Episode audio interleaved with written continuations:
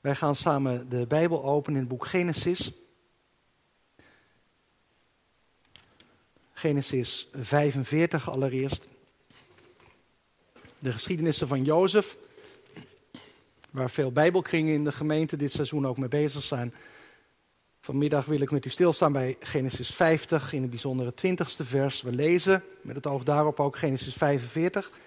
En dan lees ik iets meer dan is aangegeven in de orde van dienst. Dus niet 1 tot 5, maar Genesis 45, 1 tot 15. En daarna verder in Genesis 50. Genesis 45 is het moment dat de broers opnieuw bij Jozef, de onderkoning in Egypte, zijn ontboden. En dat Jozef zich dan aan hen bekend maakt. Toen kon Jozef zich niet meer bedwingen voor alle die bij hem stonden en hij riep, laat iedereen van mij weggaan. Er stond niemand bij hem toen Jozef zich aan zijn broers bekend maakte. Hij huilde zo luid dat de Egyptenaren in het huis van de farao het hoorden. Jozef zei tegen zijn broers, ik ben Jozef. Leeft mijn vader nog? Maar zijn broers waren niet in staat om hem antwoord te geven, want ze waren door schrik voor hem overmand. Jozef zei tegen zijn broers, kom toch dichter bij me. En ze kwamen dichterbij. Toen zei hij, ik ben Jozef, jullie broer, die jullie naar Egypte verkocht hebben. Maar nu, wees niet bedroefd en laat jullie ogen niet in toren ontvlammen, omdat jullie mij hier naartoe hebben verkocht, want God heeft mij voor jullie uitgezonden tot behoud van jullie leven. Deze twee jaren is er immers honger geweest in het midden van het land en er komen nog vijf jaren waarin er geen ploeg, ploegen of oogsten zal zijn. God heeft mij voor jullie uitgezonden om voor jullie een overblijfsel veilig te stellen op aarde en jullie door een grote uitredding in leven te houden. Nu dan, niet jullie hebben mij hier naartoe gestuurd, maar God. Hij heeft mij aangesteld als een vader voor de farao, als heer over heel zijn huis en als heerser over heel het land Egypte. Maak haast, ga naar mijn vader en zeg tegen hem, dit zegt uw zoon Jozef, God heeft mij tot heer over heel Egypte aangesteld. Kom naar mij toe, wacht er niet mij. U kunt in het land Gozen wonen, dan zult u dicht bij mij zijn, u, uw kinderen en kleinkinderen, uw kleinvee, uw runderen en alles wat u hebt. Ik zal u daar onderhouden, want er zal nog vijf jaar honger zijn, zodat u niet verarmt, u, uw huis en alles wat u hebt. Zie, jullie ogen zien het en de ogen van mijn broer Benjamin zien het, dat mijn mond tot jullie spreekt. Vertel mijn vader over al mijn eer in Egypte en over alles wat jullie gezien hebben. Haast je en breng mijn vader hierheen. Toen viel hij zijn broer Benjamin om de hals en huilde. En ook Benjamin huilde terwijl hij hem omhelsde. Vervolgens kuste hij al zijn broers en hij huilde met hen. Daarna durfden zijn broers met hem te spreken. Genesis 50 dan.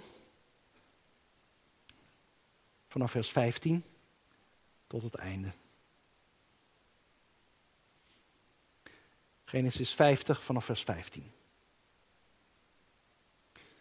Daarom voorafgaat in Genesis 15 het sterven van Jacob en zijn begrafenis.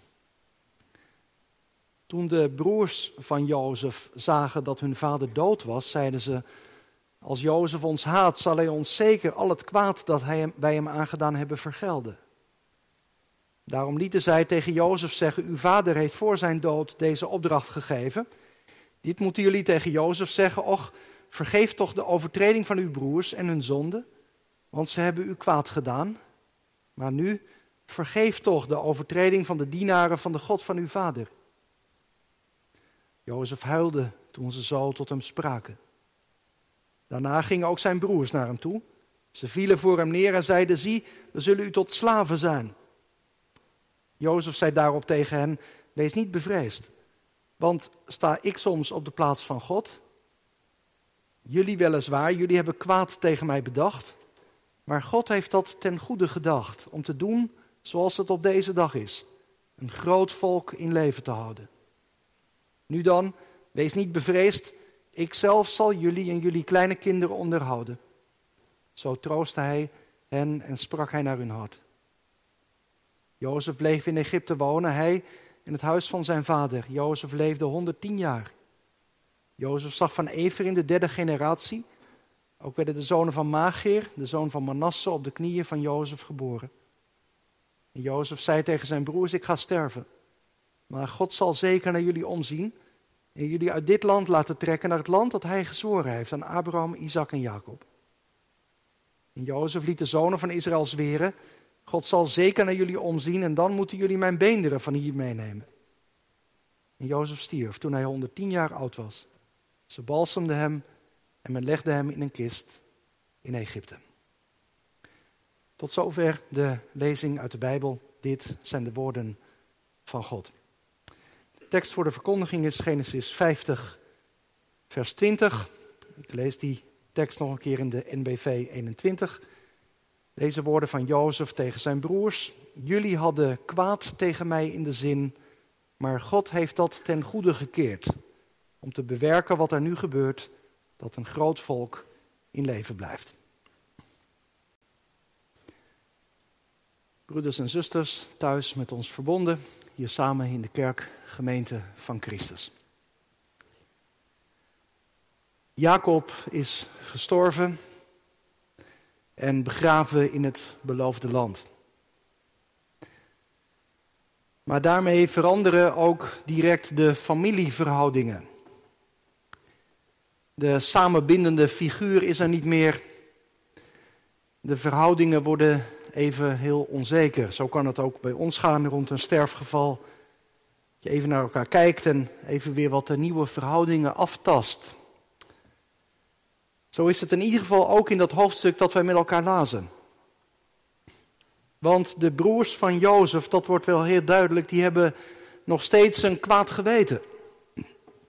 Zeker, ze herinneren zich nog die bijzondere ontmoeting toen ze opnieuw bij de onderkoning waren geroepen. We lazen dat, Genesis 45. En opeens begon die grote, onaantastbare vorst te huilen onbedaarlijk hard te huilen. En hij had geroepen, ik ben Jozef. Had ze gevraagd naar hun vader. Had ze verteld over de wonderlijke weg die God met hen was gegaan. Dat hij het middel was geworden om het volk te laten leven. Hij had tegen ze gezegd dat ze in Egypte mochten wonen, in Gozen, om de periode van hongersnood door te komen en ook daarna nog en had ze gekust. In alles had hij laten zien, het is goed. Jullie schuldige verleden, het is voor mij bedekt, verzoend. Maar nu is Jacob gestorven, hun vader. En de broers zijn bang. Bang dat Jozef zal terugkomen op zijn woorden.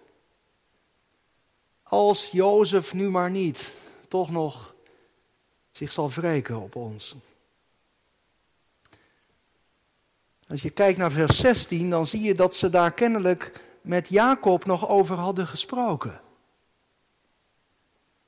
Ik stel me voor dat ze zo familieberaad hebben gehad zonder Jozef en dat ze gezegd hebben: Vader, als u er nou straks niet meer bent, hoe moet dat dan gaan? Hoe zal dat gaan tussen Jozef en ons? Blijft zijn vergeving dan wel geldig? Zal hij toch geen wraak op ons nemen? Jacob zal hebben gezegd, je moet het openleggen. Dat is mooi, vind ik. Leg het open bij Jozef. Wees wijs, doe opnieuw boete en vraag om vergeving. En zo gaat het. Niet allereerst rechtstreeks, eerst sturen ze iemand om het tegen Jozef te zeggen. Vers 17 lees je dat, hè. Och, vergeef toch de overtreding van uw broers en hun zonde, want ze hebben u kwaad gedaan, maar nu vergeef toch de overtreding van uw dienaren van de God van uw vader. Je hoort de urgentie in hun vraag. Vergeef toch. Tot twee keer toe die roep. Het lijkt wel een smeekgebed. En Jozef, als hij het hoort, hij barst weer in tranen uit. Lijkt wel of Jozef iemand was bij wie de tranen hoog zaten. Maar ook wel mooi om te zien hoe, hoe die ook echt geraakt kon worden door het contact met mensen. Er staat trouwens niet bij wat voor tranen dat nou precies zijn. Zijn het tranen van spijt, van pijn om wat er gebeurd is? Of misschien ook wel dat hij zich toch miskend voelt. Dat hij denkt, jongens, maar ik had het toch al gezegd. Waarom nou opnieuw die bevestiging nodig? Hoe dan ook, er komt ruimte voor een ontmoeting. En de broers die komen als ze merken dat hun boodschap goed is ontvangen naar het hof. Nou, dat lazen we met elkaar. Vers 18 zie je dat. Hè? Opnieuw maken ze zich klein. Ze vallen voor Jozef neer. Ze knielen voor hem en bieden zich aan als zijn knechten.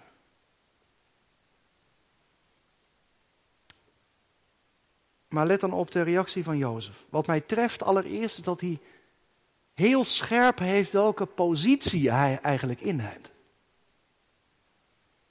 Kijk, dat weet je ook wel. Een koning in het Oude Oosten die had heel veel macht.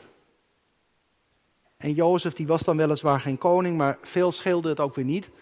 Een heel machtig mens. En met macht kun je mooie dingen doen. Maar je kunt macht ook volkomen verkeerd gebruiken. Dat zien we tot op de dag van vandaag in de wereld om ons heen gebeuren. Macht kan corrumperen en mensen tot de meest bizarre, verschrikkelijke dingen brengen. Maar Jozef is anders, want hij heeft van meet af aan scherp voor ogen waarom hij de macht gekregen heeft. Niet om te heersen, maar om te dienen. Als de broers bang zijn voor wat hij hen zal aandoen, dan zegt hij: Sta ik soms op de plaats van God? Wie denken jullie wel dat ik ben? Mooi is dat zo'n zinnetje. Sta ik soms op de plaats van God? Veel machthebbers die zien zich inderdaad zo als een soort God. Maar Jozef niet, die, die kent zijn plaats. En die plaats is ingegeven door de verhouding die Jozef met zijn God heeft. Dat, dat, dat trof mij eigenlijk wel weer bij de voorbereiding van deze preek. Dat Jozef zijn leven in het licht van God ziet.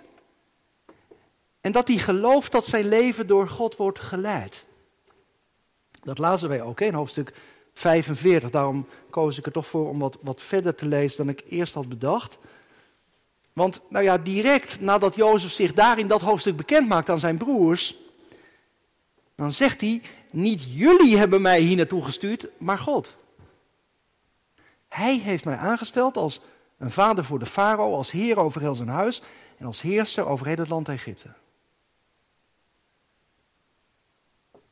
Niet jullie hebben mij hier naartoe gestuurd, maar God.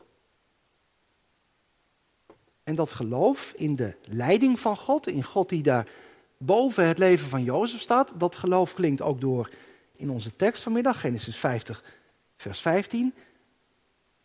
Jullie hadden, 15 vers 20, jullie hadden kwaad tegen mij bedacht, maar God heeft dat kwade ten goede gedacht. Dat is een heel bijzondere beleidenis. Wat Jozef hier zegt is geen theorie, het is bijna een lied, een uitroep van verwondering. Iets wat je niet vooraf kunt incalculeren, maar wat je alleen maar achteraf, terugkijkend,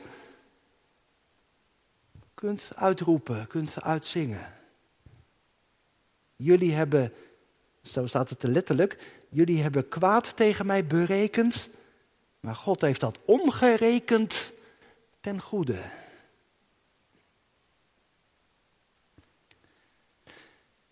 Ik weet niet of u dat weet, maar eh, deze tekst is eigenlijk wel een soort klassieker geworden.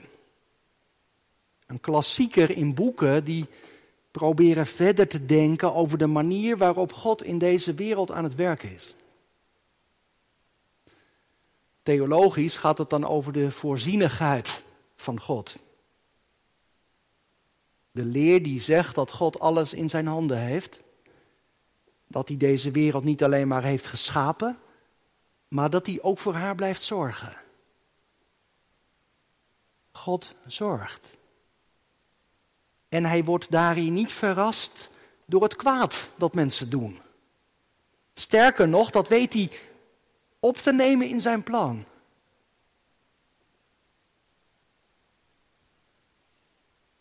Nou is het nog niet zo makkelijk hoe je dat nou moet voorstellen. Hè? Hoe gaat dat nou precies? Hoe doet God dat nou?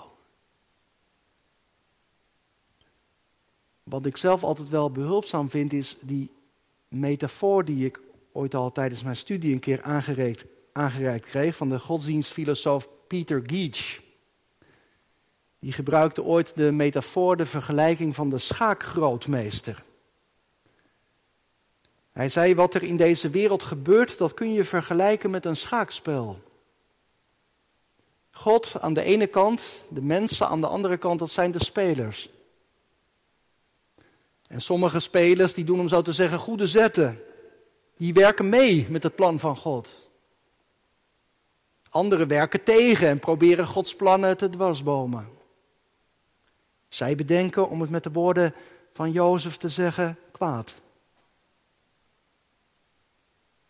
Maar welke verkeerde zetten mensen ook doen, welke kwade plannen ze ook beramen, Gods plan zal worden uitgevoerd, want Hij staat er, om zo te zeggen, helemaal boven. Hij staat, om zo te zeggen, helemaal boven het spel. Zoals ik als eenvoudig schakertje het op honderd manieren zou afleggen tegen iemand als Magnus Carlsen, de wereldkampioen. God kent alle varianten.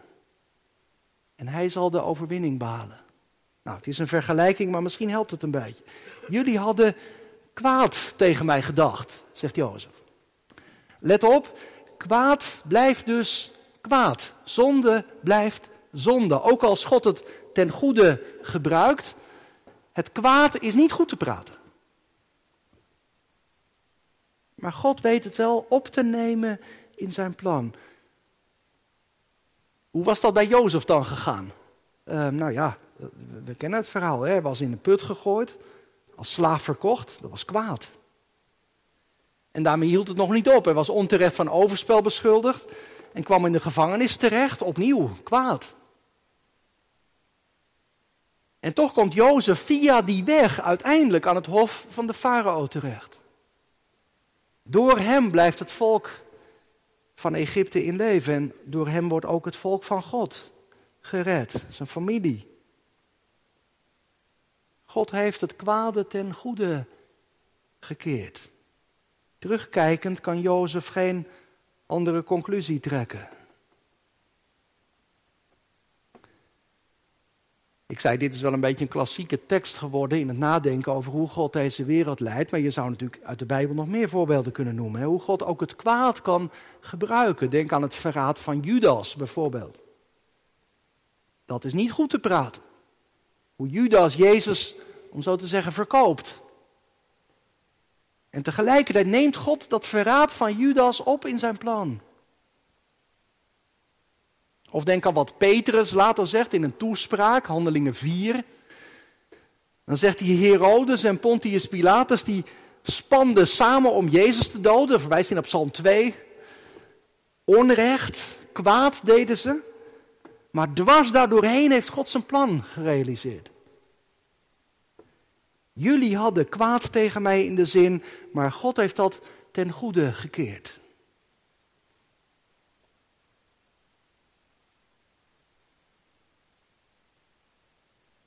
Ik zou wel benieuwd zijn wat die tekst bij jou oproept, bij u. Misschien herken je er iets van als je terugkijkt in je leven. Dat je zegt, ja, zo was dat bij mij. Die crisis die ik meemaakte, die ziekte, dat verlies. Het moment dat ik zonder werk kwam te zitten. Het was verschrikkelijk pijnlijk. Ik ging er bijna aan onderdoor. En toch, ik ben er niet slechter van geworden. Ik ben er doorheen gekomen en ik heb ervaren dat ik ook in het donkerste dal niet alleen was. Denk aan die woorden van Psalm 23. Al moet ik door het doodsravijn, u gaat steeds aan mijn zij. Ik vrees geen kwaad, uw herderstaf geeft steun en veiligheid. En misschien ga je zelfs nog een stap verder en zeg je dat kwaad, die moeite, die pijn, dat verlies. Uiteindelijk heeft het me zelfs een rijker mens gemaakt. Ik ben nooit vergeten hoe ik als student theologie in Bergambacht alvast wat pastoraal werk mocht doen. En ik sprak daar een vrouw die heel lang ziek was geweest. Dat had haar heel veel gekost. Ze was nooit meer de oude geworden. Ze had veel, veel moeten inleveren. En toch zei ze tegen me, ik had het niet graag willen missen. Ik ben er dichter door bij God gekomen. Dan wordt iets zichtbaar van wat wij zongen in Psalm 121. Hij maakt het kwade goed. Mooi, mooi als je die ervaring hebt. Dat God de kwade, de moeilijke dingen kan gebruiken om er iets goeds uit te laten voortkomen. Maar ik haast me om er iets bij te zeggen. Want wat Jozef hier zegt is geen algemene regel. Ik zei al, het is een persoonlijke beleidenis van hem. Het zou kunnen dat je deze woorden vooral ingewikkeld vindt. Omdat jij het heel anders beleeft.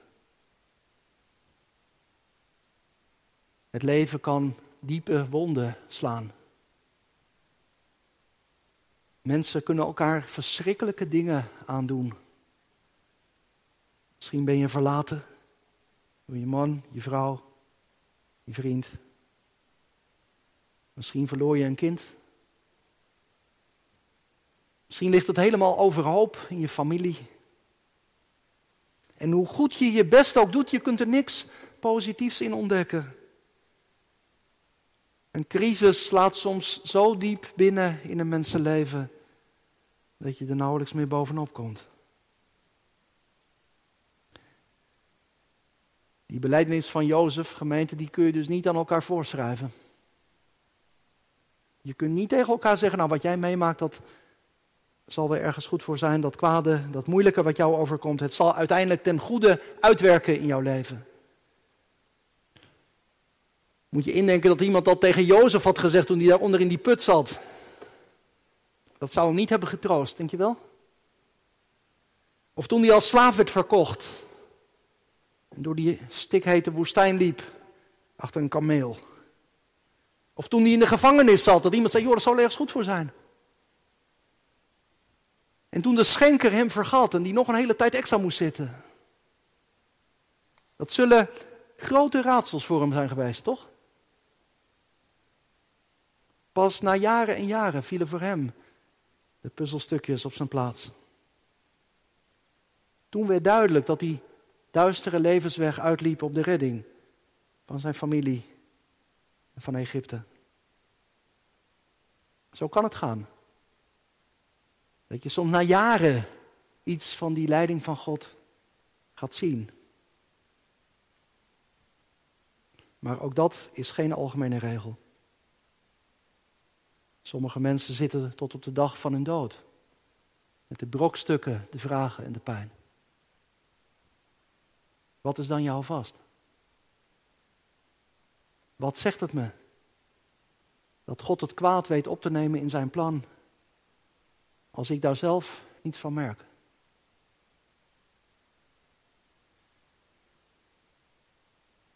Ik las tijdens de voorbereiding van de preek artikel 13 nog eens even door van de Nederlandse geloofsbeleidnis. Moet je zelf ook maar eens doen deze week. Daarin gaat het over Gods voorzienigheid. Over zijn zorg voor de wereld, zijn zorg voor ons mensen.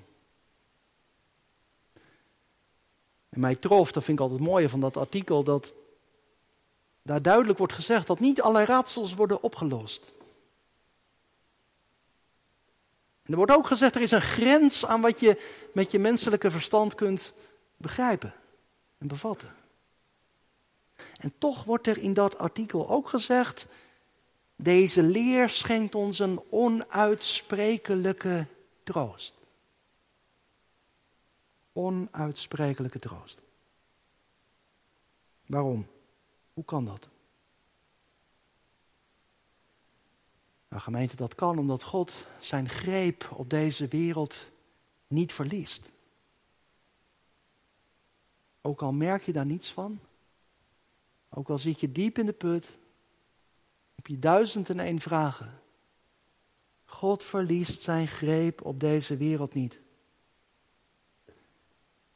En als dat ergens blijkt, dan wel in het kruis. Je kunt zeggen, als er ergens kwaad gebeurt, dan is het daar wel. Het grootste, het meest verschrikkelijke kwaad komt daar bij elkaar. De weerstand en de vijandschap tegen God zelf. Hij wordt weggedrukt aan het kruis op Golgotha. En daarmee lijkt het of het kwaad voor goed gewonnen heeft. Of er nooit meer licht en leven, hoop en vergeving zullen zijn. Alles lijkt te eindigen in het graf.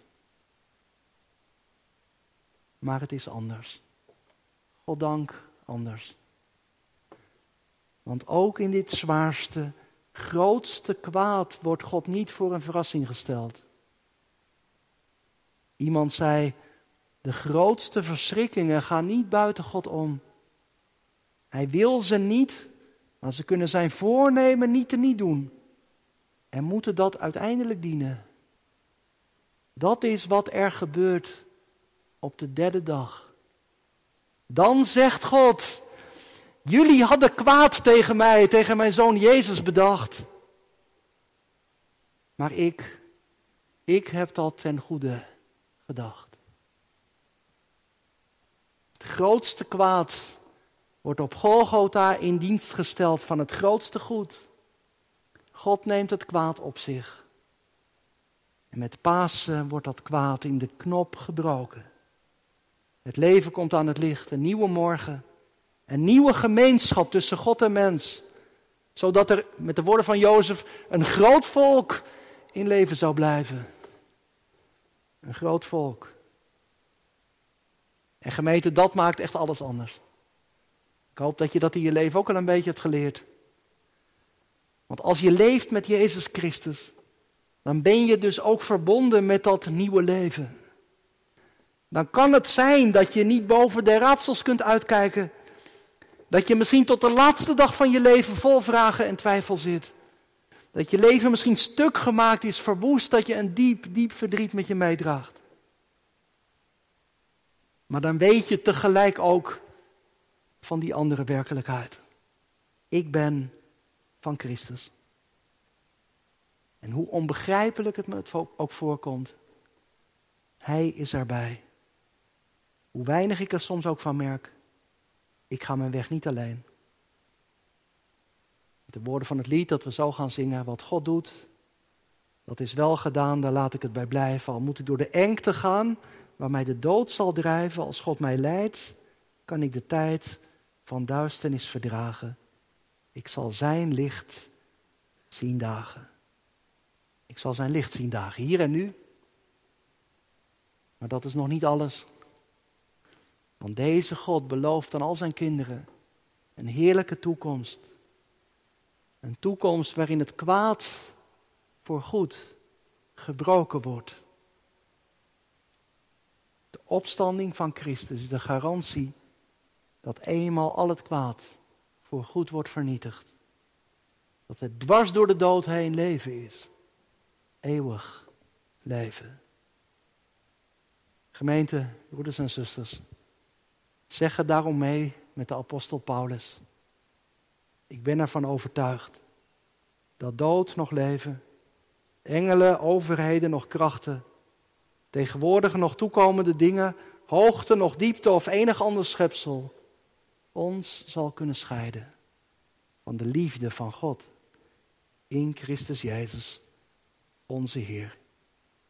Lof zij u Christus in eeuwigheid. Amen.